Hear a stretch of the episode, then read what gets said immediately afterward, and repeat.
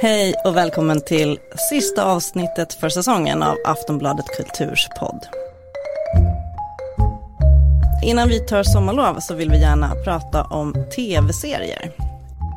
Ett eh, oöverstigligt ämne när man börjar fundera på det men det känns ändå viktigt att försöka angripa det eftersom tv-serierna har blivit en allt större del av våra liv. Hur utvecklas formaten och varför funderar vi lite över. Vad gör tv-serierna med oss? Det ska vi prata om idag. Jag heter Cecilia Djurberg och med i studion för att prata om det här stora ämnet har vi Göran Sommardal, kritiker, välkommen. Tack. Jack Hildén. Hej. Hej, du brukar vara med. Ja, Poddkändis. Ja. ja. Bekant. Och välkommen tillbaka Sandra Weibro, du har också varit med förut, tv-krönikör på Yes, Aftonbladet. tack. tack så mycket. Eh, och jag tänkte att vi skulle börja med att lägga lite korten på bordet här. Eh, berätta om eh, era relation till tv-serier. För jag känner själv att jag är inte en tv-serieoman och blir fortfarande lika förvånad när någon frågar mig som helt självklart, vad ser du på för tv-serier? Som om det är någonting som alla gör. Jag tittar ibland, jag har följt vissa eh, Men jag har mycket annat för mig i livet. Så att jag är inte en bingeare på det sättet om det inte är så att Du jag fastnar du för något. kanske har mer att göra än oss andra. Ja, viktigare saker Ja. för mig. Nej men jag vill inte vara sån. Men, eh, men jag tänkte bara liksom redovisa min position här. Um, Göran Sommardal, vad har du för relation till tv-serier? Jag är också nog väldigt händelsevis när det gäller tv-serier. Ibland så kan det vara skönt på kvällen att liksom titta på någonting som man inte behöver bry sig allt för mycket om. Men sen kan det ju bli så att man, att man blir lurad att det är någonting som man verkligen borde bry sig om. Så att det, är inte, det är ju inget, inget betyg på hur, hur tv-serien är. Men alltså, det, det är mer en sån eh, relation jag har. Jag, jag följer inte serier liksom sådär maniskt liksom, för, att få reda på hur det går. Jag har, jag har själv en, en, en eh, inställning till just serier och filmer så att jag vill, jag vill inte se på saker och ting för att veta hur det går utan jag vill liksom vara där när det händer snarare. Mm. Men i, ditt- i ditt jobb som eh, filmkritiker, eh, hur förhåller du dig till tv-serier då? Alltså, Undviker du dem i ditt, alltså du skriver inte om specifikt om tv-serier? nej det har jag aldrig gjort faktiskt. Nej. Men det, men det har ingenting att göra med någon slags avoghet att göra utan, utan det, det har väl också att göra med att när jag började som filmkritiker så var tv-serierna liksom mer en sån här underhållnings, lite slaskigare genre medan relationen mellan, mellan filmskapande och tv-serieskapande har ju förändrats då och, och väldigt liksom mera över till tv-serieskapande. Att man har, lägger mer resurser, det är mer seriöst. Man, Ja, har fått en annan väldigt många status. fler, ja, en he- helt annan status i De förhållande. där, de där slaskserierna är ju ofta representeras av sitcomsen. De man gärna kollar på när man inte vill bry sig. Eh, 22 minuters eh, formatet där. Det är perfekt för när man inte vill känna. Eller Ja, eller såpoperorna. Ja, det är också. Eh, Ja. Det Ja, det ju fanns sådana gamla lödder och sånt. Ja. ja. När det bara kom var glamour och alla sådana där grejer så, så var det ju liksom att man, Jag såg Glamour i gymnasiet kan jag känna. ja, Men det var inte så, nej det var, det var inte så, jag var inte helt fördjupad men jag, vi hade, det var väl liksom ett kompisgäng som kollade. nej. Och sen så kom ju liksom Twin Peaks och sånt. Det var kanske, för mig var kanske det, det för, första gången som Mm. man liksom nu måste, att man måste bänka sig precis vid den tiden när den sändes och så. Ja men det var väl en eh, milstolpe. Jack då, hur, hur tittar du? Och Jag tittar, tänker jag tittar som de flesta, ganska mycket. Du är Jag normal? Ja, eh, på kvällen så där, när man ska, alltså, i och med att man har en partner också så är det den typiska, den Mm. typiska parsysslan att, eh, att göra tänker jag. Ja, och Sandra? Ja, jag vet inte om du behöver fråga mig egentligen. Nej. Jag ser alldeles för mycket, men det är ju också för att det är ett jobb. Yrkes, ja, precis, relaterat. Ett extremt sjukt jobb. Men har du något så här innan, hade du någon förhållande till tv-serier innan du började skriva om det? Ja, ja men alltså det hade man ju liksom när man eh, växte upp typ innan, alltså, innan internet slog igenom egentligen. Då var det ju liksom att man satt och kollade på tv. Alltså det fanns inte så mycket annat att göra på kvällarna i Gävle. Så Mm. ja. Men då var man tvungen också att följa när det startade. Precis, satt och väntade på Arkivex och på Twin Peaks och vad det nu var för någonting. Ång-tv. Mm. Men då var det ju också en del av lägerelden. Eh, Men det har ju lite grann, vad, vad tycker ni om det nu? Det har ju blivit någon sorts ny lägereld även om man tittar on demand. Eh, saker som alltså, tv-serier. Jag tänkte på det när jag började här på Aftonbladet. Och då har det blivit ett lunchsamtal. Vad följer ni för tv-serier? Jag är helt utanför. Eh, Ja, det känns Jag går, eh, jag sitter på teatern hela kvällarna. Jag vet inte vad man säger på, finns det något på engelska som heter typ water cooling någonting, alltså det man pratade om vid den här vattentanken Ja, eller vad det nu är på jobbet. Ja, Alltså, kaffemaskins- Ja precis, det är ett enklare sätt att uttrycka det på. Jag menar att det är liksom, det är det som alla kan enas om på något sätt. Att det här, det här kan vi prata om oavsett vad, vem man är. Eh, Ultimat uh, kallpratsunderlag. Mm, det är kanske är lite svårare att hitta bara en serie nu. Game of Thrones har väl varit Mm. lite en sån. Men annars är det liksom, det är rätt mycket olika grejer. Men då, eh, sen kan man väl säga att Tjernobyl också var lite Mm. så här. ja det har blivit en liten debatt nu. Om Kommer Precis. ihåg, uh, i och med att jag var så sen med att kolla på Game of Thrones, liksom, på tal om det här med liksom, när man pratar med andra eh, om tv-serier, att det då var så fullkomligt obegripligt. Om man väl är en sån som står utanför liksom, så är det som att lyssna på ett annat språk när folk pratar om Game of Thrones till exempel. Jag har sett ett Det- halvt avsnitt av Game of Thrones. Jag, jag gav det ett försök. Ja, man måste göra mer.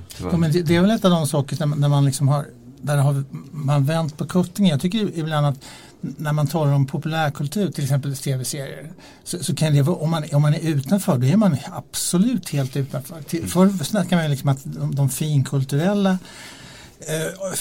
avsmakarna att de liksom stängde in sig och, och, och stängde ut alla andra, exkluderade andra. andra. Men, men populärkulturen kan ju verkligen vara utestängande om man, in, om, man, om man inte har sett en typ Mm. tv-serie och folk pratar och pratar om den och den och det, det som hände där och den lilla och bifiguren som nu är död och bla bla bla. Då är- har man absolut ingen som helst susning om vad som händer. Men det tänker jag ju som, eh, liksom var viktigare i högstadiet och gymnasiet, att inte vara utanför. När man är vuxen så klarar man det liksom, lite bättre. Jo, jo. Du klarar av att sitta på lunchen och inte hänga med i Ja. tv-skolan. Ja. Ja. ja, men ibland menar jag att bevakningen och diskussionen om, om populärkulturen utgår på något sätt från att alla har varit där och sett och alla Mm. känner till och alla är invigda fast i själva verket inte alls är så längre. Liksom. Dels för att det finns så väldigt extremt mycket eh, den typen av kultur så att, så att det går inte att, att hänga med på, all, på alla bredder och längder. Och det, men dessutom också så, så är det ju så att, att eh, det finns liksom deta- detaljer och detaljanalyser och sånt som, som är svår, svår att hänga med om man inte verkligen inte är fruktansvärt insatt. Mm. Med alla goofies och alla liksom eh, trivias och alla liksom fel. Ja, men det finns ju ex, så extremt mycket liksom som, man, som man grottar ner sig i. Så här, som kan vara svårt att hänga med. Lika svårt som att hänga med i en analys av Dantes Divina Commedia. Liksom. Ja, lite som drömmar, det är jätteintressant för den som haft det men liksom totalt obegripligt för den som ska lyssna på vad drömmen handlar om.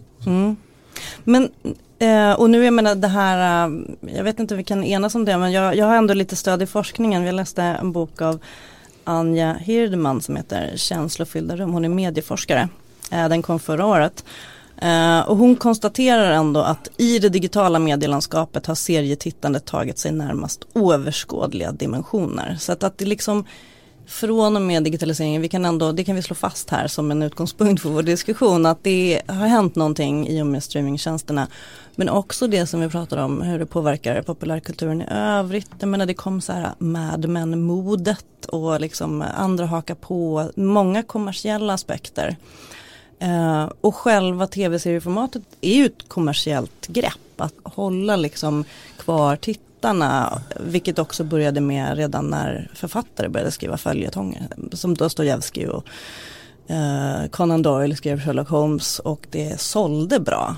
Eh, och det är liksom ena sidan, men andra sidan då, vad gör det med berättandet? Hur skiljer det sig från eh, till exempel eh, filmberättandet. Du skrev ju en krönika, Jack, Mm. eh, med titeln Alla tittar men hur många orkar bry sig? Jag tyckte du var lite inne på det här med dramaturgi och berättartekniker då. Ja, men en, en av de sakerna du var inne på det är till exempel att eh, ja, något som kan hända är att det kan pågå i princip hur länge som helst. Det är ju en sån ekonomisk faktor som, som också som sen det är ju rätt intressant att se vad, hur det liksom tar sig uttryck då i den konstnärliga produkten. När man faktiskt lyckas göra någonting jättebra jättelänge som Ja, jag vet inte om man ska ta Game of Thrones då igen men det, det tänkte jag på när jag, jag såg någon så här um, bakom kulisserna dokumentär eh, på HBO om, om hur det gick till när de gjorde sista säsongen. Eh, och att de hade en sån otroligt stor budget, så lite tid och liksom var så ett sånt Man märkte på alla att det var ett sånt oöverskådligt projekt. och liksom fanns killar som var anställda för att liksom lägga snö på marken. Bara det tog jättemycket tid och energi. Liksom. Och sen så tror jag att många är ändå överens om att den sista säsongen av Game of Thrones var, var en besvikelse.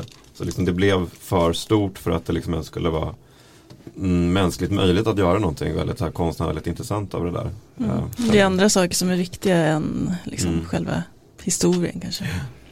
Ja men och sen så det här med att man bygger upp en förväntan och till exempel eller sen efter när man sitter och väntar på en tredje eller fjärde säsong som jag faktiskt har gjort en serie som jag har följt eh, Mozart in the Jungle som eh, handlar om eh, eller payoffen är eh, sex, droger och eh, klassisk musik. Um, och handlar om en, ett, en symfoniorkester i New York eh, som är jätterolig. Jag tycker att den är rolig. Den handlar väldigt mycket om musik och deras spelande och eh, en ung eh, tjej som eh, vill ta sig in, hon är oboist. Eh, men så den sista säsongen kom aldrig för att eh, de la ner den. Och så får man ju inte göra när man har byggt upp en förväntan. Eh, och det är liksom lite sådär, det verkar som att det har blivit något typ av myteri och huvudrollsinnehavaren visste inte om det här. Och det handlar förmo- förmodligen om pengar. Och, och göra en publik besviken på det här sättet det är ju en risk som alla de här Mm. skaparna tar. Det plöjs in mycket pengar från början och sen så kanske tappar man. Men gör man inte det bara för att man, har inte, man kollar lyssnas, eller tittarsiffrorna då så är det inte tillräckligt många som tittar. Och så får man inte tillräckligt mycket annonsörer så har man inga pengar och då måste man lägga ner den. Det är krassa verkligheten. Ja. Jo men precis med de här andra såpoperorna som har Alltså såpoperorna som, som tog slut och liksom och Dallas som de försökte lägga ner och så började den om och sådär. Då, det är ju någonting med, med formatet, alltså Bobby Ewing dog och sen så blev alla upprörda så kom han tillbaka. Jo. Men det finns ju en del som har gått, jag tror att Glamour, jag tror att den har gått i över 7500 avsnitt. Att den tar aldrig slut liksom. De, de, de håller på De är fast anställda. De matar och matar hela tiden. Jag vet inte Mm. ens hur den ser ut de senaste 10-15 åren. Men, eh, så att det, det är en del som lyckas. Och det måste ju ha att göra med det att det, det lönar sig fortfarande. Det finns fortfarande annonsörer som vill annonsera i den här. Mm. Finns det någon konflikt i att, eh, eh, att det alltid riskerar att bli sämre ju längre man håller på. Men att man också då, om man har tittarna på kroken så, så vill man ju se vidare automatiskt. Om man väl har investerat i någonting så, så slutar man ju liksom inte. Men i gammaldags såpoperan då var det ju, eller alltså den här som jag tänker på 80-tals, där var det ju så lite grann så att det kom okända människor eller som B-skådespelare och C-skådespelare som blev bättre och bättre. Eh, Så att när de liksom hade jobbat upp några säsonger så blev, ju, då blev de ju bättre. Mm. Eh, Men vad tycker ni liksom det här med ja, mjölka-koncept, vilka tycker ni har funkat bra då, som har pågått länge? Mad Men är en sån serie som var bra hela tiden. Där liksom, den texten som jag skrev som du pratade om den det handlar lite om att så här, man får känslan av att när, när, man, när man kollar på en serie i fem, sex säsonger så, där, så får man, brukar jag få en känsla av att så här, men jag kommer inte ihåg hur det här började eller, liksom, eller vad, vad karaktärerna har för koppling till varandra eller liksom någon intrig som e-, egentligen rann ut i sanden som jag var jätteengagerad eh, i men som jag liksom bara glömde bort för att det hände massa andra saker. Det där är ju lite liksom såpopera dramaturgin också. Bara det att det, det är alltid mycket snyggare och eh, mer välgjort och mer välspelat och sådär. Men, men ändå kan jag få en känsla av att alltså, de hade kunnat göra vad som helst. Jag hade ändå inte märkt vad, som, vad det handlade om egentligen. Eller vad man ska säga. Mm. Men det gör väl någonting, alltså det handlar väl om ganska mycket om psykologi och just det här med, ja men som också den här medieforskaren Anja Hedman skriver om eh, tv-mediets förmåga att väcka känslor. Det är det som gör att vi hänger kvar. Eh, och att det finns en massa psykologi i, man känner igen ansikten och det är som att man blir vän med, man tror att man känner de här personerna och tar dem nära, nära hjärtat. Även kanske då med, med, med, med de onda. Mm, Okej. Precis, det finns ju en slags sjuka också som har liksom börjat sprida sig. att Det känns som att man gör liksom så himla många avsnitt av liksom en historia som kanske bara hade krävt fyra kanske. Så Mm. gör man så här 12 60 minuter långa avsnitt. Och det är ju också liksom det här att man vill hålla kvar folk. Fast man kanske inte har liksom egentligen grunden för det. Och det kan man ju störa sig lite på när man ser så mycket tv Mm. så har man inte tid liksom. Alltså, du slösar min tid, Ja. jävla filmmakare eller Men det tv-makare. är faktiskt, eh, jag har tänkt på det särskilt med miniserier. Eh, Så jag tänkte att varför inte bara dra till och göra en två, timmes, två timmars film. Så det mjölkar man ut och gör fyra timmes avsnitt Mm. eh, av en historia som inte borde ha behövt vara det. Men är inte det som också har hänt med, med, om vi snackar om utvecklingen av tv-serien att, att, det, att det finns så väldigt olika projekt och olika visioner och ambitioner bakom. Man tar så här som The Wire eller Treme som också är gjord av David Simmons. Att, att liksom skildra någonting som, är, som, man, som man tycker är viktigt och samtidigt göra en serie då som får många tittare förstås. För det är ju, för det är ju liksom också en slags grundpelare. Men, men så, så, att där har, finns det ju idag eller har det gjorts tv-serier som har helt andra typer av, av eh, ambitioner för, för vad man vill göra. Inte bara roa, inte bara locka annonsörer, inte bara kunna fortsätta säsong efter säsong. Så eh, det, det, det, det, är väl där som saker och ting har, har hänt. Liksom, att det har blivit att, att själva spektret av serier har liksom bretts ut och det, idag kan man inte tala om tv-serier som om det vore en genre. Nej, utan det finns ju väldigt många olika sorter precis som det finns olika sorters litteratur, olika sorters romaner och olika sorters film, filmgenrer så finns det också olika sorters tv-genrer. Och tidigare var det mer att det, att det fanns olika tv-seriegenrer uppdelat på ämnen. Det fanns liksom deckare, det fanns eh, sitcoms, det fanns advokatserier och så vidare. Men idag Sjukhusserier. Så finns, men idag så finns, så finns det liksom eh, också när det gäller liksom vad det är man vill göra med den här serien, vad det är man vill berätta, vad vill, vad vill man nå fram till och sådär. Så där har ju saker och ting verkligen hänt. Mm. Vilka, vilka utmärker sig som bra exempel på det tycker du? Eh, jag tänker, eh, den första som jag tänker på som jag har sett väldigt mycket tillsammans med mina barn nämligen MASH som ju kom på 70-talet som handlade om Koreakriget men som var egentligen då en slags försenad allegori eller för, för, tidigare lagd allegori om Vietnamkriget, alltså krigets vansinne som i stil med moment 22, liksom den sortens. Och den var ju liksom en serie moraliteter som tog upp ämnen som rasism, antikommunism eller föraktet för de gula gok som var motståndaren till amerikanerna i Koreakriget. Att man tog, man tog upp väldigt många sådana manschauvinism. Det fanns väldigt mycket så här, olika kompaniförtryck och alla grejer som man tog upp. Men samtidigt var det hela tiden en väldigt rolig komedi. Ja, jag såg den som, jag såg den som komedi. Ja, men, alltså man kan, jag helt. Men det finns ju, man kan se att det finns underliggande, underliggande liksom, teman som man tar upp som var viktiga för att ta upp. Liksom. Mm. Och, som, man också, som man inte kanske tänker på till exempel att, att svartas roll i den amerikanska armén under andra världskriget så, så fanns det liksom inga blandade eh, trupper utan an, det var antingen svarta eller vita. Och Koreakriget var det första krig där, där svarta och vita slogs tillsammans i den amerikanska armén. Så att, och, och, det skapade ju naturligtvis väldigt mycket sådana där eh, motsättningar och liksom antagonismer inom och, som man, och, och rasism som också som blommade ut och, och som, som, man då tog upp i den här serien. Så att det fanns, där var, jag tänker med amerikanska ögon så är det, så det är ännu mer uppenbart liksom att, man, att, man, att man ville ta upp brännbara ämnen i den här komediformen. Mm. Så för mig är det kanske den, den första liksom sån eh, tv-serier med, med annorlunda ambitioner liksom, än, än, än eh, det som man vanligtvis har van vid. Liksom. Men jag tänkte just ungdomsserier. Eh, är det mycket sådana, är det genomskinligt sådana där ambitioner? Jag tänker nu, men nu kanske vi pratar mycket om amerikanska, men jag tänkte på när Skam kom så blev det sån himla hype och det var varenda mediekonferens jag var på så, så skulle de få prata om eh, sitt berättande och det var som succé och sen såldes mm. det till flera länder. Eh, och att det är en serie som ändå fungerar bra, som, jag menar jag tittade med mina tonåringar. Eh, men att det finns ju också en liksom en pedagogisk idé. Eh, en, eh, en idé om att ja, men ge en världsbild som är på något sätt uppbygglig mm. eh, med de utmaningarna som det är att vara ung. Ja. Men en reflektion som jag gjorde på den när jag, när jag såg att min dotter tittade på den. Det, det var ju roligt att, att en norsk serie kunde bli så, så liksom älskad och, och bli så ett föremål för en slags sån här innekult kultur. Liksom att, eh, att hon började snacka norska och plockade upp grejer. så att man, man, Det behöver inte vara liksom amerikanska för att det ska vara häftigt utan man kunde liksom gå in i det även fast det var på det som vi eh, kanske här i mån betraktas som den töntiga norskan. Så det visar också att det finns liksom en slags potential även för andra serier än de här amerikanska som vi koncentrerar oss på här. Liksom man skulle kunna tänka sig att även andra från andra språkområden och andra kulturer också skulle kunna få samma genomslag om man lanserade dem. Men sen var, sen var det också ett otroligt eh, liksom, eh, uppdaterat marknadsföringsarbete med Absolut, alla de här absolut. sociala mediekontona. Jo, jo.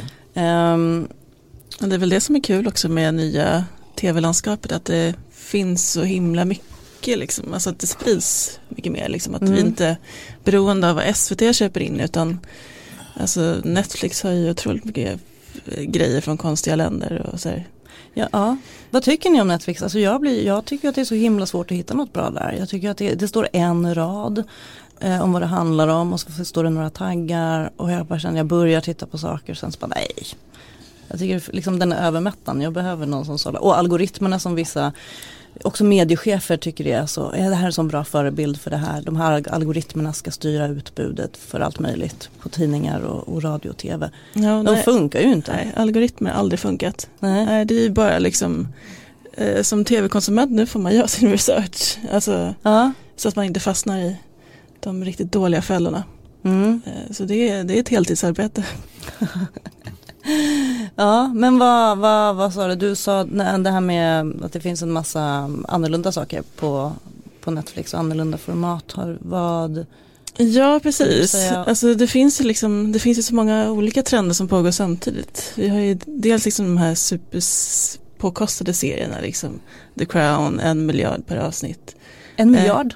är det så? Ja men typ, det Ja. är helt sjuka eh, liksom, siffror.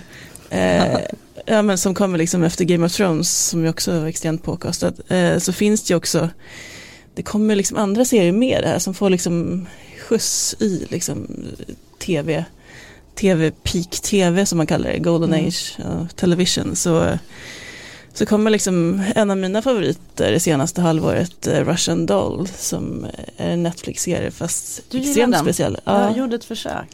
ja. Det kanske första avsnittet inte var så bra. Nej, jag tycker det är fantastiskt. Ja. Alltså att just använda det här liksom någon slags spellogik till, ja men som ett rätt så här, djupt psykologiskt drama liksom med hennes eh, psykiskt sjuka mamma och eh, där liksom upplägget är att hon hon liksom går på en fest och så liksom dör hon varje dag och så kommer hon tillbaka och måste liksom leva den här dagen på nytt om och om igen. Så den är ju väldigt eh, eh, komplex liksom men eh, Ja, jag vet inte, jag tycker den är jätterolig och liksom annorlunda och rätt kort också för att Mm. vara en Netflix-serie, bara åtta avsnitt. Är det kort, det är Så det är föredömligt. Ja, precis, gör kortare är min uppmaning till alla. Ja, man kan ju tänka sig vilken dröm det måste vara också som, som dels skådespelare att få liksom, göra tv-serier istället för film på det sättet. Alltså, ja, det finns ju så mycket mer eh, chans till utveckling och saker som man inte kan göra på film. Samma gäller ju för manusförfattare tänker jag också, liksom regissörer. Alltså, man fattar ju lockelsen både för tittare och för de som faktiskt arbetar med det. Ja, man kan ju tänka till och med att man, att man gör, skriver ett avsnitt som, som manusförfattare och så spelar man in det och sen så, så, så blev det inte tillräckligt bra och sen gör man om det liksom tio avsnitt längre fram. Nu fan ska vi göra det avsnitt så att det blir riktigt verkligt bra. Så att Mm. man, man får ju liksom flera chanser som du säger. Det, må, det, må, det måste vara väldigt fascinerande för de som, alla som deltar i produktionen liksom, att få göra en grej. Eller för en skådespelare kanske att nu, kan, jag- nu ska jag göra en likadan scen fast mycket bättre. Som jag- Nu har jag kommit på hur det borde vara liksom. Så att, Det är lite som någon sorts verklighetens Russian doll när det bara pågår och igen samma. bättre. jag menar jag tycker ju att vardagen är så, att den börjar om varje dag. ja, ja. Kanske därför det liksom, Ja, är så låg för nära. riktigt Ja, tv-serie. ja men det, fin, det finns ju serier som jag menar som Seinfeld är ju liksom en sån serie där, där saker och ting börjar samma gre grejer, samma trauman och samma liksom hang-ups och samma fobier liksom Samma upp entréer för hela Kramer. tiden liksom samma samma ångest inför det motsatta könet eller ångest för att bilda familj, ångest för att gifta sig, att det kommer upp i, i nya versioner hela tiden. Liksom, att man börjar om igen. Liksom, man behöver inte, man kan strunta i att det, här, det som hände för fem avsnitt sedan, att det motsäger det som vi gör nu. För, Mm. för man kan ändå, har man en bra idé så kan man göra det igen. Liksom. Ja, det där är ju hela sitcomens liksom eller så, är- så tänk, alla de som man har följt, jag kollade på Vänner väldigt mycket. Alltså, det, är, det är så tydligt att nästan alla de har samma, eller det, det presenteras ju såklart ett, någon sorts problem varje vecka. Som kommer till någon lösning så återgår det till normaltillstånd och så nästa vecka så börjar det om med någonting. En ny variant på samma sak. Och det Fin- köper man helt och hållet. Finns det någon, eh, någon ny motsvarighet till dem? Eh, De där typen av vänner och Seinfeld sitcom. Sandra, tittar jag på dig. Precis, det känns ju som att det, det har varit en liksom genre som har varit lite, lite liksom under utvecklad nu. Alltså Big Bang Theory har ju varit liksom den stora giganten men nu har ju den lagt ner. Precis, så att jag vet inte riktigt om det kommer något nytt där. Det måste ju komma någon revival tycker man ju. Mm. Ja, men alla, för, för, för tidigare så kom ju alla de här spin-offen att e- karaktärer från Seinfeld fick egna var det inte så George Costanza fick? Eller var det hans familj, hans föräldrar som fick en serie? Ja, ja precis, alltså Big Bang Theory har väl också någon eh, slags Young Sheldon eh, upp, ja, uppföljare. Men mm. eh, ja, annars är det ju liksom, det är verkligen så här en, eh, ett gammel tv-format som inte riktigt har kommit till streamingen egentligen. Även om ju, alltså Friends går ju fortfarande superbra på Netflix. Mm. Det skulle tas bort av det. Ja exakt, för att de, de som äger det ska ju liksom satsa på eget, eget, eget egen mm. streaming. Mm. Eh, och det är det som är problemet också nu när alla liksom, Apple satsar ju stort, de har liksom Oprah och Jennifer Aniston på sin sida, Steven Spielberg. Eh, Facebook har ju också en massa serier som de håller på att pumpa ut. Mm. Alltså det är helt, man, man blir helt yr i skallen när man verkligen försöker. Hur har det gått med Snapchat-tv som skulle lanseras? Ja, oh, nej det orkar jag inte med. Nej. Nej, jag bara, jag bara vet att det, jag läste om det ja, för länge sedan. Jag har inte alla, alla håller på. Ja. Alla vill ha en bit av kakan och få folk att stanna längre på deras liksom, plattformar för att kunna sälja mer. Ja men det är ju så, eh, så jobbar ju vi i mediebranschen också. Exakt. Klicka vidare här. eh, lyssna på flera avsnitt, vi har gjort elva tidigare av den här podden. Eh, typ så. Exakt. Men, men är det, vad får det här för konsekvenser för annan tv-dramatik tänker jag. Ja, faktiskt så, och det här undrar jag hur, hur långt det har gått. Jag fick ett, eh, ett läsarmail för ett tag sedan när jag skrev om ja, ny dramatik eller i alla fall det var en eh, manusförfattare som hörde av sig och eh, hävdade att hen hade föreslagit ett eh, filmmanus till SVT eh, och fått det refuserat med argumentet att de bara köper in tv-serier nu. Eh, det här skulle man ju då behöva kolla upp men om man tittar på SVT så är det ju serier som kommer. Jag vet inte hur mycket tv, alltså långfilmsdramatik SVT producerar längre som man gjorde förut.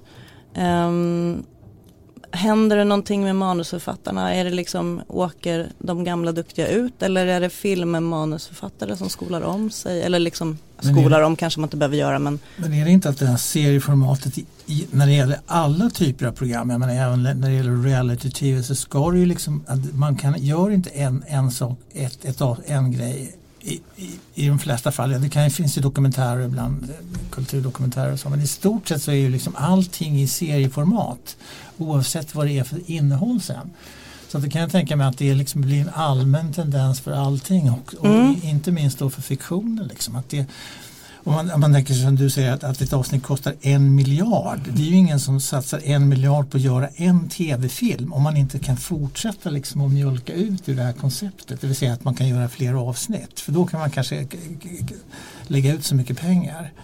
Så att, så att eh, jag kan tänka mig att, att, det, att det, det som du berättade, liksom att, man, att man måste skriva tv-serier om man ska göra manus. Det, man kan inte göra med en, med en, en aftonsgrej, liksom. det funkar inte. Jag tänker man ställer ju ganska höga krav på en publik att då men till exempel för mig att jag kan ju, nu går jag till mig själv, men att jag inte känner att jag orkar börja titta på en tv-serie om jag ser att det finns åtta säsonger, jag bara kalkylerar att det här har inte jag tid med, så då tappar man mig. Uh, vad, liksom, är det så att jag inte får uh, någonting annat istället så blir jag ju tvungen att fortsätta läsa böcker. Uh, och inte titta så mycket på tv eftersom det inte kommer filmer som, uh, som kan vara avslutade och färdiga och hela eh, genomarbetade berättelser som man kan få lämna bakom sig sen. Ja, men fast då, då uppfylls väl den, den uh, kvoten liksom av att man visar gamla filmer, liksom repriser på gamla filmer och så. Det gör man ju också rätt mycket i tv, på, i alla kanaler, SVT mm. inbegripet. Alltså, så det, men man vill, inte, man vill inte slänga ut pengar på att göra, göra nya liksom, tv-filmer själv för det kostar så mycket pengar. Men streamingtjänsterna har ju lite, tycker jag, tunt med filmer. Det finns ju inte en eh, Spotify för Hollywoodfilm Nej. som man skulle kunna önska sig. Men, det, men det, det hörde, om jag får berätta en rolig historia just när det gäller liksom, europeiska filmer på, på Netflix eller på HBO så är det, är det ett väldigt tunt utbud men det är så att min, eh, det har jag lärt av min son, om man går in och, och lurar eh, nätet att man har ens, ens eh, dator är placerad i USA. Om man använder amerikanska Netflix så finns det mycket fler europeiska filmer på amerikanska Netflix. Mm. För där är, är rättigheterna mycket mycket billigare eftersom ingen vill se amerikanska filmer i USA eller europeiska filmer i USA och därför så finns, har, de, mm. har de köpt upp många fler. Mm. Så kan man bara liksom gå in på den amerikanska Netflix så kan man se mycket mer europeisk film. Det är mm. en paradox. Och det där kan liksom. man googla sig fram hur man gör. Ja. ja det... Millions of people have lost weight with personalized plans from Noom. Like Evan, who can't stand salads and still lost 50 pounds. Salads generally for most people are the easy button, right? For me, that wasn't an option. I never really was a salad guy. That's just not who I am. But Noom worked for me. Get your personalized plan today at Noom.com. Real Noom user compensated to provide their story. In four weeks, the typical Noom user can expect to lose one to two pounds per week. Individual results may vary. Kan man göra. Där vill jag också rekommendera biblioteket faktiskt. Ja. De har ju väldigt mycket sånt, ja. alltså att man kan kolla på eh, dels liksom nutida kvalitetsfilm och eh, gamla klassiker. Ja, klassiker, de har ja. otroligt mycket. Ja, Helt gratis. Gamla hederliga bibliotek. Ja, älskar mm. biblioteket. Men finns det någon um, film, alltså någon, någon klassisk, eller säga, stor filmregissör som har gått över till, till serieformatet. Det finns ju rätt många som håller på att fippla med ja, olika saker. De som växlar kanske. Men, ja, Woody ja. Allen hade ju någon konstig serie som ju försvann lite grann i hans ja. skandaler. Men, eh, men såg sen, du den eller? Nej. nej. jag såg faktiskt aldrig den. Men nu, nu i dagarna så kommer ju eh, den här danska regissören Nicolas Winding Reff. Han har ju gjort en, eh, en serie för Amazon. Amazon Prime Video tror jag heter Sverige. Eh, som ju är i 13 avsnitt och som han har sagt ska ses som en 13 timmar lång film. Mm. Vilket är också lite intressant att han, han vill inte riktigt kalla det serie. Även om det är liksom uppdelat i 13 avsnitt. Vad heter hon som gjorde, hon som har gjort um, Fish Tank och American Honey tror jag. Uh, Andrea Arnold. Ja, hon måste vara typ världens bästa regissör med tanke på hur bra. Uh, Uh, hon, det är väl hon som gör Big, Big Little Lies som kommer nu mm. också för mig. Precis. Okay. Är det lika bra som American Honey? Ja men det, det var, för, första säsongen av den var ju väldigt uh, bra också. Alexander Skarsgård spelade kvinnomisshandlare. Ja. Mm. Ja, det finns ett, Champion gjorde ju Top of the Lake. Mm. Just det. Så det finns Berätta med, vad det är för någonting. Ja, det var ju en, för mig som inte vet. Nej, det var ju en en, vad utspelas den på Nya, den utspelas på Nya Zeeland ja, också? Nya Zeeland första säsongen ja, och Australien slags, andra. Någon slags, eh, med, med en eh, drogfabrik som var eh, inplacerad liksom i ett litet samhälle där van, van, hemmafruar och, och, andra vanliga människor och, och, liksom blandade droger och samtidigt var det nog en, en deckarhistoria in, invirad i, i detta. Liksom. Så, så, men annars är det ju ganska få såna här liksom seriösa regissörer som har hoppat in i tv ja, Ingmar Bergman gjorde ju en ja, serie. Ja, Ingmar Bergman, absolut. Det känner vi till. Mm. Ja. ja. Senare ut äktenskap ska jag säga. Ja, För, precis. Om någon hade missat den. Ja, precis. Uh, men jag tycker ju, jag har ju gillat, uh, jag har ju gillat böcker som blir tv-serier. Men uh, till exempel Handmaid's Tale Uh, är ju en sån som jag faktiskt har följt och mm. uh, det kommer en ny säsong nu, eller har den börjat? Den har precis börjat. Den har precis börjat. Mm. Uh, den har ju pågått för länge redan. Jag är ja. trött på att se Elisabeth Moss inzoomade ansikten när hon berörs av någonting. Ja men där, jag tycker att det är intressant hur de, eh, vad jag har förstått, går ifrån boken. Ja precis, det där är en sån här serie som de hade kunnat stanna efter en säsong. Mm. Alltså ja. när boken är slut så eh, det behövdes liksom inget mer. De, ändå fortsätter de liksom mjölka det. Mm. Eh, ja, sluta med det. Jag tänkte en sak som man, som man skulle kunna tänka sig, det är det, har tv-serierna blivit mera filmaktiga, alltså att det blir mer filmskådespeleri i dem. Än, tidigare så, så, fanns det ändå serier som, var ganska, som kunde vara ganska teatrala. Jag tänker på exempel Onedin-linjen, en sån här gammal klassiker. Va? Där är det liksom det känner man, det, det här är, de, de, spelar, nästan... de spelar teater. Det här är, liksom inte, det är inte ens film utan det är liksom bara iscensatt på olika skepp och eh, konstiga orientaliska hamnar och, och brittiska liksom eh, eh, konstiga värdshus och grejer. Så det är liksom en helt annan känsla. Man känner ju nästan inte ens att det är liksom en, en sån vanlig tv det finns, inga, det, finns inga, det finns inga sympatiska karaktärer. Alla är lite, så här, lite obehagliga och liksom går på, för sig själva. Mm. Så den, den, har liksom en helt annan tidskänsla liksom än, än vad serier har.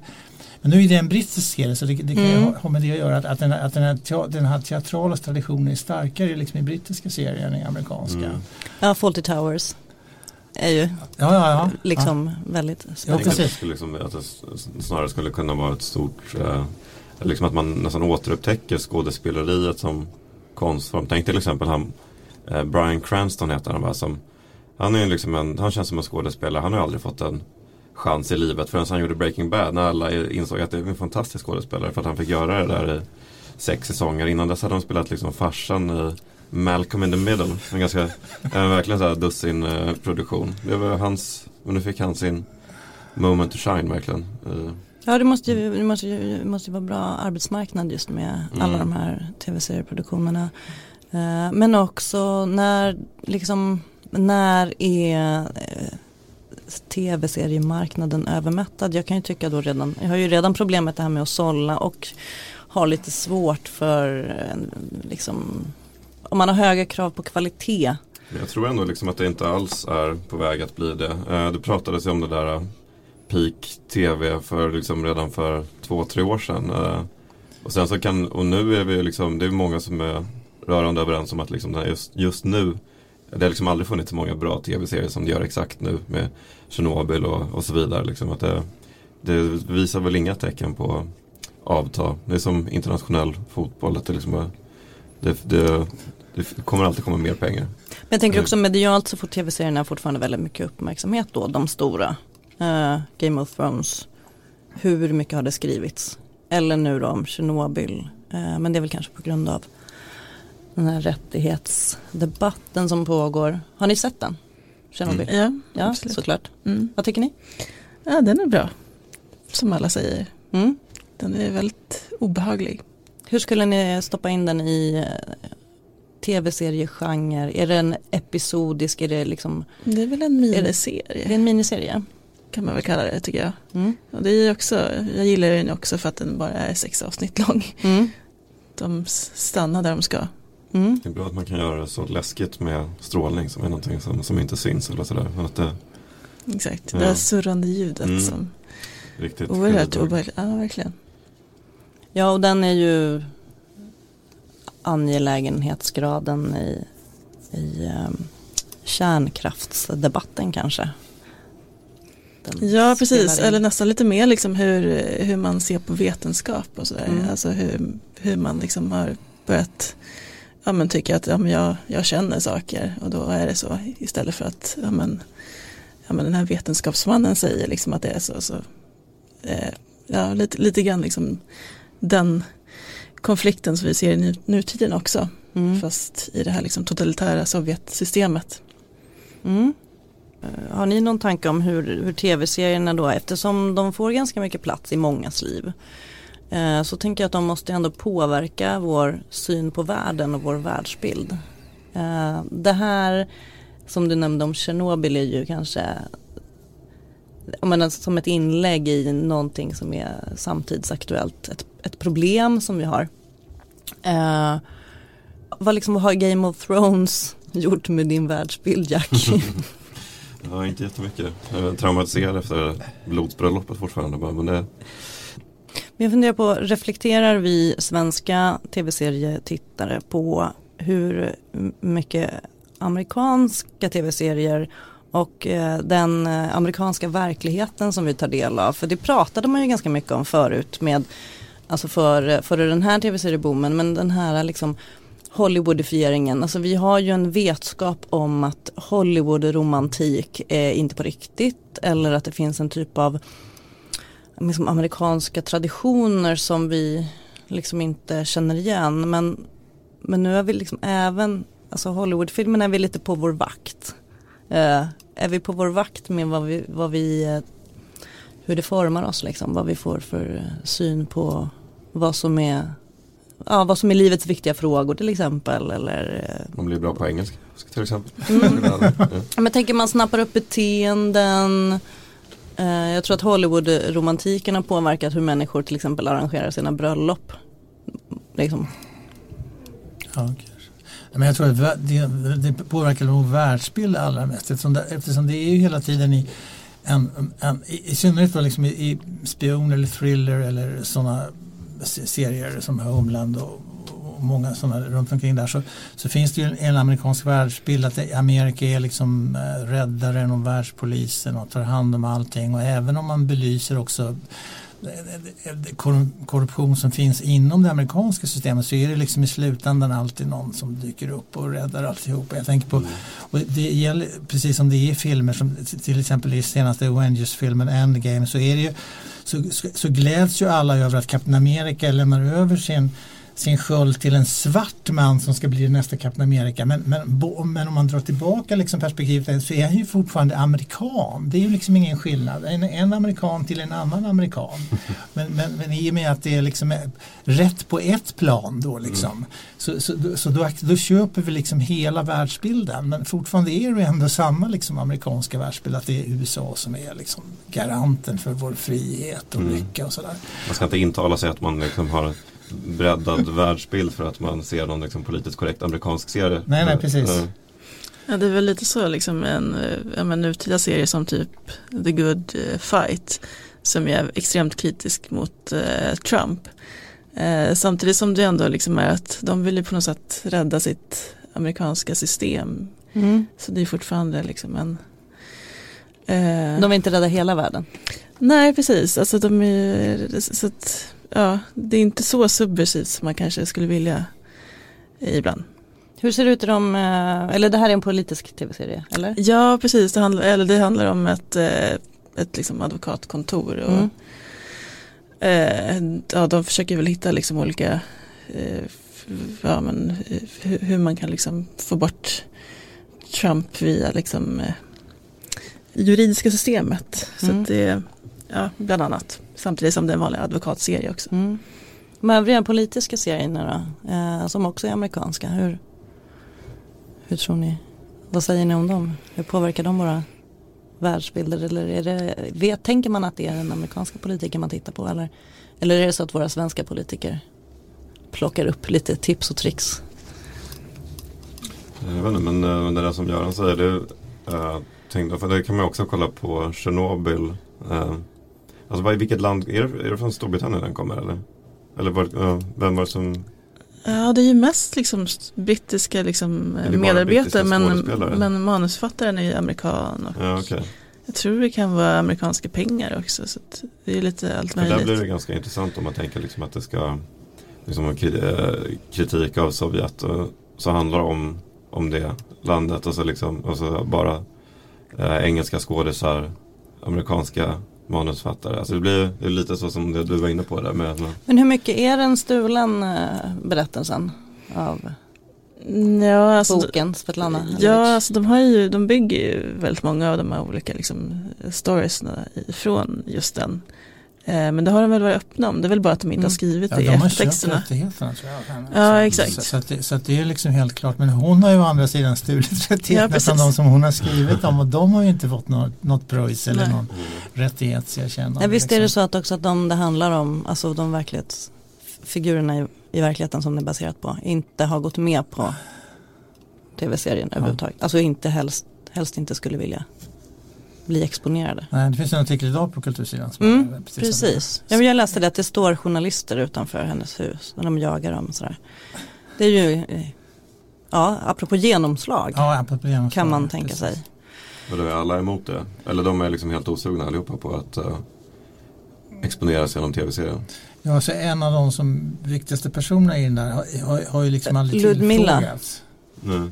Utan, utan eh, och, och, och, nu, och nu så har, är- hon plötsligt liksom en, en offentlig figur då liksom. Fast mot, Mm. mot sitt eget nekande kan man säga liksom. Eftersom hon inte vill vara det och då, där står liksom jättemånga journalister utanför eh, hennes tvårum, lilla tvårummare och vill intervjua henne. Liksom. Det här är lite intressant för man kan ju tänka sig själv att mm, om man ser det här som ett konstverk så är, har konsten sin frihet. Men eh, man blir lite mer upprörd när det är en stor amerikansk liksom, produktion med jättemycket pengar som gör det här övertrampat. Ja. Eller vad man ska säga, om man nu ska se det. Men hon verkar ju ändå upprörd över det här. Ja. Ja, det hade väl varit amerikanskt och fint att ge lite liksom, pengar från serien till de här stackars överlevarna. Ja. Och nu plötsligt lite, all, lite allmosor. ja, precis. Mm. Men världsbilder, finns det någonting annat? Um... Ja, men det jag tänker på där är ju att eh, det är så många katastrofserier. Och det tänker jag kan påverka en del. Mm. Liksom att det är mycket så här undergångsscenarier hela tiden. Eh, ja, men jag tänker bara till exempel på den här danska Netflix-serien nu. Liksom, eh, vad den nu heter, Dark någonting.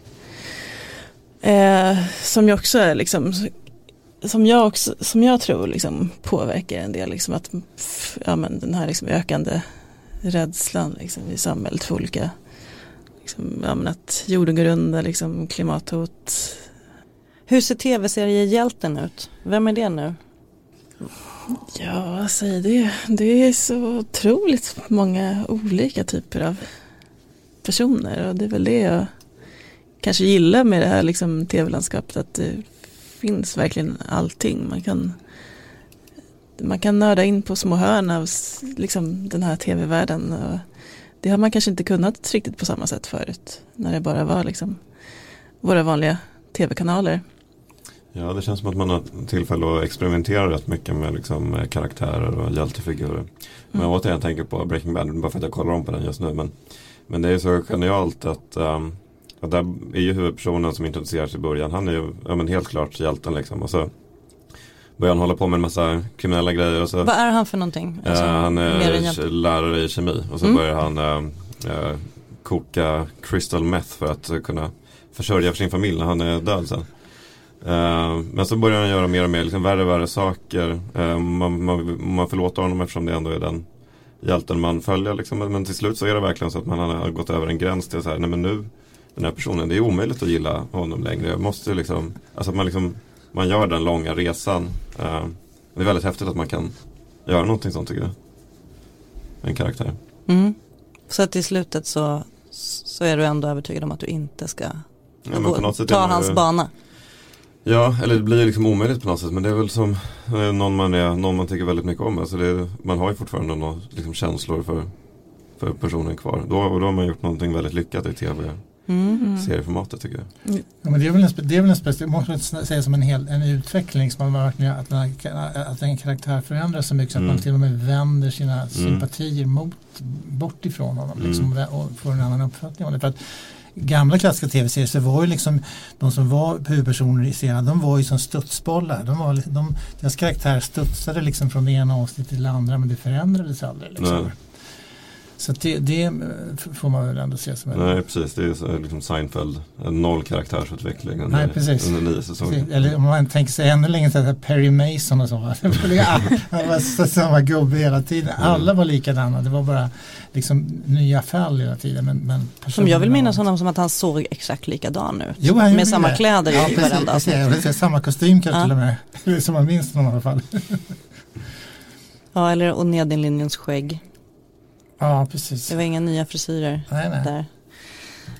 Um, om vi ska, jag tänkte att vi skulle avrunda, det här är ju som sagt säsongsavslutning i serien som är Aftonbladet Kulturs podd. Um, Noll karaktärsutveckling där också. Det är noll karaktärsutveckling. Nej, vi hoppar ju helt ja. fritt mellan ämnen. Um, men om det, nu, om det nu blir en antingen en skitsommar vädermässigt eller man har tråkigt eller man inte orkar med det bra vädret. Vad, vill ni liksom, ska vi ta en runda där vi rekommenderar någonting som man eh, skulle kunna klämma i sommar? Um, Jack, vad, har du några kommer, favoriter? Jag kommer kolla den andra säsongen av Big Little Lies. Jag tycker den första var jättespeciell. Varför tycker du det? Den var lite Twin Peaksig på det där äh, härligt äh, suggestiva sättet svinbra musik, jättebra skådespelare. Mm. Uh, etc. Ja. Den känns också lite omotiverad ärligt talat att göra en andra säsong men nu gillade jag den första så mycket så att jag kommer kolla på den andra. Mm. Göran? Ja, jag, har, jag har väldigt svårt att kunna rekommendera. Jag, jag försöker titta rätt mycket på kinesiska serier. Som det finns ju på, det, man kan streama ner det om, om, man, om man kan kinesiska. Det, det finns med kinesiska undertexter. Så det, det, det, och det gör att det är ändå faktiskt lite lättare. Är det sånt som du laddar ner det då bara? Eller? Nej, men- jag, nej, men jag, nej jag, kan, man kan streama direkt. Det finns, kineserna gör ju kanske ungefär 100, mellan 150 och 200 serier varje, varje år. Så, och, och bland dem så finns det en del ganska bra. En av mina favoritserier är The Male Nanny heter den på engelska. som handlar om en snubbe som kommer från, från landet och som börjar jobba som nanny till olika eh, rika kvinnor som har barn och som behöver någon som tar hand om eh, deras barn. Han har själv en dotter som hans fru har åkt iväg med till Amerika. Som han eh, längtar väldigt mycket efter. Och så är Så liksom, USA är med på ett hörn där också? Ja, Mm. lite grann. Fa- Fast, fast det, är, det är bara som landet där bortanför. Mm. Liksom. Och, och den är faktiskt väldigt rolig. Och den tar också upp väldigt många sådana här eh, komplex liksom i, den, i den kinesiska liksom umgängeskulturen mellan föräldrar och barn och vem man ska gifta sig med och ens föräldrar bestämmer vem man ska gifta sig med. Och, och, och annars så kommer de in och säger, stå, och har, säger stopp och belägg, den här mannen är för dålig för dig och så vidare. Så, så att den, är, den, är, den är intressant för den, den har liksom en sån här pedagogisk eh, twang till också. Men den är liksom en rolig serie och den är, och den är en intressant utveckling. Det, eh, jag tycker att sådana serier borde man och den här innehåller naturligtvis också schabloner och sånt. Men det är, det är roligare att se lite nya kinesiska schabloner. Men dock på kinesiska eller mandarin eller Ja, kantonesiska? det är, ja just det. Då, då, då, då kan man se den. Och det finns ju en del såna här kinesiska serier som också har av entusiaster, då ofta i USA. Eftersom USA är inte lika amerikaniserat som Sverige brukar jag tänka mig. Att där finns det liksom nischer för att, att även se de här. Se, och där finns det en som heter Go, Go Princess Go som, är en, som handlar om en, en, en brud eh, eh, brudraggare, en, en riktig alfahanne som till slut blir iknuffad i en, i en eh, swimmingpool av tre stycken av de kvinnor som man har, som man, som man har som man har bedragit. Och då när han sjunker ner i den här så förvandlas han till en kvinna som dyker upp på, på, på 400-talet. Mm. Som, som är gift med någon prins liksom där. Och, och, han, har- så, så, och han upptäcker då själv att han inte har några bröst och när han ska gå på toaletten så upptäcker oj, ja, visst, jag sådär. Ah, Så det, är- det är en vä- väldigt rolig liksom, eh, Men historia. handlar det om, blir det då som att han ska få se hur det, är- hur det är att bli behandlad som, som de kvinnorna han förför? Liksom? är det en moralitet? Nej, nej, inte riktigt. För sen så blir, då, då, då, då, då blir han ju både, så han, han både, både blir en kvinna som älskar män men också som, som fortfarande dras till kvinnor eftersom han är, har liksom det manliga i sig. Okej. Och hon som spelar den här mannen då i, i när han har förvandlats till kvinna. Hon är ju väldigt bra för hon har, hon har kv, håller kvar en del av den manliga karaktären som man har sett hos honom tidigare. Så det är, det är väldigt, Va, väldigt vad hette den här? Den heter Go Princess Go. Ja. heter den. Och den är en, det är är faktiskt väldigt rolig. Det var från början en streamad serie som inte gick på tv utan som gick direkt på som man kunde hitta direkt på nätet. Och den, den, den finns faktiskt eh, så man kan eh, hitta den med engelska undertexter. Mm. Ja, det kan ju vara en fördel. Så att eh, man, jag kunde önska mig att det fanns lite mera sådana grejer. eh, Även hos oss. Liksom. De kommersiella kanalerna eller SVT som borde ha det som sin uppgift att sprida lite mera ljus över andra länders eh, serie, tv-serieproduktion. Mm. Ja, det kan vara lite dåligt ibland. Alltså Netflix har ju nu några stora koreanska serier men det är väl typ det. De kategoriseras väl också alltid som det landet de kommer från. Ja exakt. Koreanskt. Ja precis, Ja. som att det är en genre. Ja. Liksom. Mm. Världsmusik. Ja, precis. Fantastiskt. Ja, Sandra, har du några sommartips? Eh, ja, alltså eh, jag vill ju alltid slå ett slag för eh, mm, Phoe- Phoebe Waller-Bridge, en fantastisk tv-skapare som ju har gjort eh, nu två säsonger av en serie som heter Fleabag där hon själv spelar huvudrollen och eh, eh, ja men det handlar liksom hennes liv där och det, den är liksom svår att beskriva. Den är bara otroligt personlig, otroligt välskriven och otroligt bra. Mm. Finns på Amazon. Mm. Du nämnde också, du skvallrade om att du har spelat in en annan podd idag om kostymdramer. Mm. Vad var det för film du nämnde då? Någonting om Berlin på 20-talet? Ja, Eller precis. serie? Exakt. Eh, Den kommer ju nu på SVT i dagarna. Mm, Eh, men du har sett den? Babylon Berlin, ja precis. Mm. Eh, Är den något jo, men det har ju varit en så här extremt stor eh, succé i Tyskland. Eh, de har ju redan gjort två säsonger. Så att, och SVT har ju haft den inköpt nu i några år.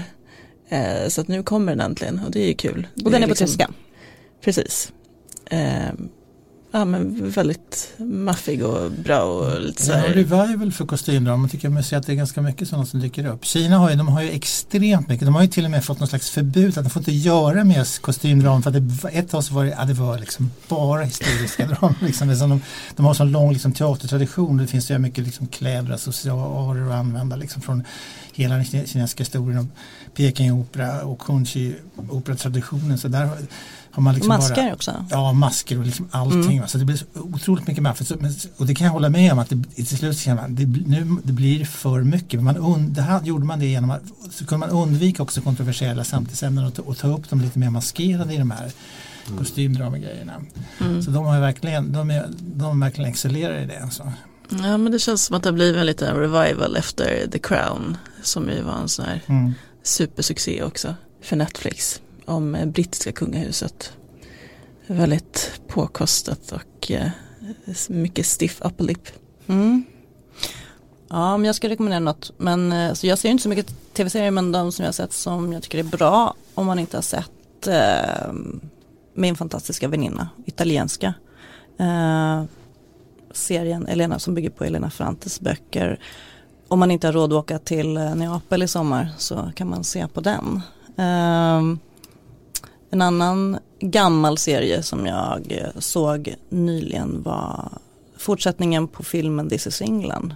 Det finns flera säsonger, eller tre säsonger, eh, tv-serier om eh, skinheads och ska-kulturen i England på, det börjar på, första filmen är väl 86 eller serien, ja 80 och 90-talet och följer. Och går från ska och skinheads över till, till rave-kulturen. Om man vill förstå, och det här har jag redan rekommenderat i Aftonbladet faktiskt, men om man vill liksom förstå hur England har utvecklats och vad, vad, vad som har hänt i landet eh, med Brexit och så, så tycker jag faktiskt att den ger en inblick i arbetarklass och eh, med också fantastisk dialog, alltså om man älskar den typen av engelska, lite cockney, riviga repliker. Och fantastiska kostymer också eh, från den tiden. Så det var väl mitt, ja, annars så tycker jag man kan se Mozart in the Jungle också om man har missat den, om man gillar klassisk musik. Eh, den är lite lättsam och rolig, men det är också väldigt roliga referenser. Eh, som är lite musiksnobbiga, men eh, härliga tycker jag. Ehm, Det blir en rolig sommar. Vi Ja. Mycket, tv. Ja, ja men då eh, tackar vi för den här säsongen och eh, tack för att ni har lyssnat på Aftonbladet Kulturs podd. Alla avsnitt ända fram till detta. Eh, tack Jack Hildén för att du var med. Tack Göran Sommardal och Sandra Weibro. Tack. Jag heter Cecilia Djurberg och vi kommer tillbaka i höst. Hoppas jag verkligen. Vi hörs då. Hej då.